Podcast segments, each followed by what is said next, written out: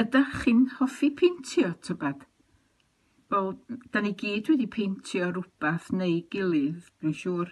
Peintio drws, tŷ, peintio wal, peintio ar ganfas, ella, neu peintio ewinedd, peintio yn yr ysgol, neu tybed fyddwch chi'n peintio'r byd yn wyrdd yn y 60au a'r 70au falle. Ond rhyw beintio go wahanol sydd gan Nia Wyn Davies o Gangen Bro Trwerin. A mae hwn yn beintio, fel dwi'n dweud, go arbennig, peintio ar sidan. A dyma sydd gan ni ddeud yn y wawr. Yn ystod y blynyddoedd diwetha, rydw i wedi troi at beintio ar sidan yn reit aml, er fy mod wrth fy modd gyda unrhyw waith llaw newydd. Mae mwynhad i'w gael ac mae'n bosibl ymlacio'n braf wrth beintio os nad aeth rhywbeth o'i le wrth gwrs. Sut y dechreuais i ar y gwaith? Wel, mae'n siŵr mae arbrofi gyda phlant adran yr urdd i wneud gwaith llaw at yr eisteddfod oedd cychwyn y gwaith. Does gan blant ddim ofn mentro, ac os aeth rhywbeth o'i le ar y llun, mae'n hawdd ei droi yn rhywbeth arall. Rhoi carag ar lan y môr os ydy'r paent wedi gorlifo. Maent yn dysgu canolbwyntio a dyfalbarhau ac i fod yn ofalus, yn dysgu sgiliau newydd a byddant yn falch o'i gwaith gorffenedig. Rydw i wedi cystadlu yn ein sioe leol ac mewn cystadlaetha Merchaid y Wawr, y sioe sir. Mae ymgyrraedd at wneud a gorffen tamaid o waith yn her. Rydw i wedi gwneud sgarffiau a chlustogau a llieiniau. Yn ddiweddar, bu Eryl Jones cangen maes y wain cyn athrawas i fabanod arall a Mina yn mynd o amgylch cymdeithasau a changhennau o ferched y wawr i arddangos y gwaith a chael y merched i arbrofi eu hunain. Mae dechrau bob crefft newydd yn ddigon drud i gasglu'r deunyddiau at ei gilydd a gall popeth fynd yn ofer os nad yw'r gwaith yn plesio. Felly, rhoi rhagflas o'r gwaith a wnawn gan wneud cardiau, neu nod llyfr i'r aelodau gael mynd â hwy adref.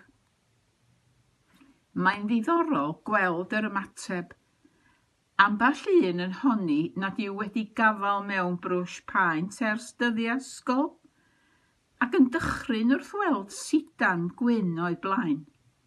Mae pawb yn ofnus ar y dechrau, ond mae pawb yn llwyddo ac yn eitha balch ohonynt eu hunan ar y diwedd. Mae'r gwaith wedi dod yn haws hefyd drwy ddefnyddio papur rhewgell glidiog arbennig ar y cefn fel nad oes rhaid defnyddio ffrâm. Y gwaith anodda i ddechrau pintio yw gwneud y llun ac yna rhoi'r gwta, sef y paent sydd fel mur, rhag i'r paent redag i'w gilydd. I osgoi hyn ac i arbad amser ar y noson, mae'r aelodau yn cael dewis cardia neu nod llyfr gyda gwta arno'n barod. Dyma'r ffordd hawddaf i arbrofi gyda gwaith sidan. Lluniau syml gyda ychydig o linella yw'r gora ar y dechrau. Mae pawb yn dotio wrth weld y paent yn teulu a chwalu allan o'r canol gall teulu halen ar y gwaith roi patrymau gwahanol hefyd. Mae dau fath o baent sidan, un sy'n setio gyda stem a'r llall gyda haearn smwddio.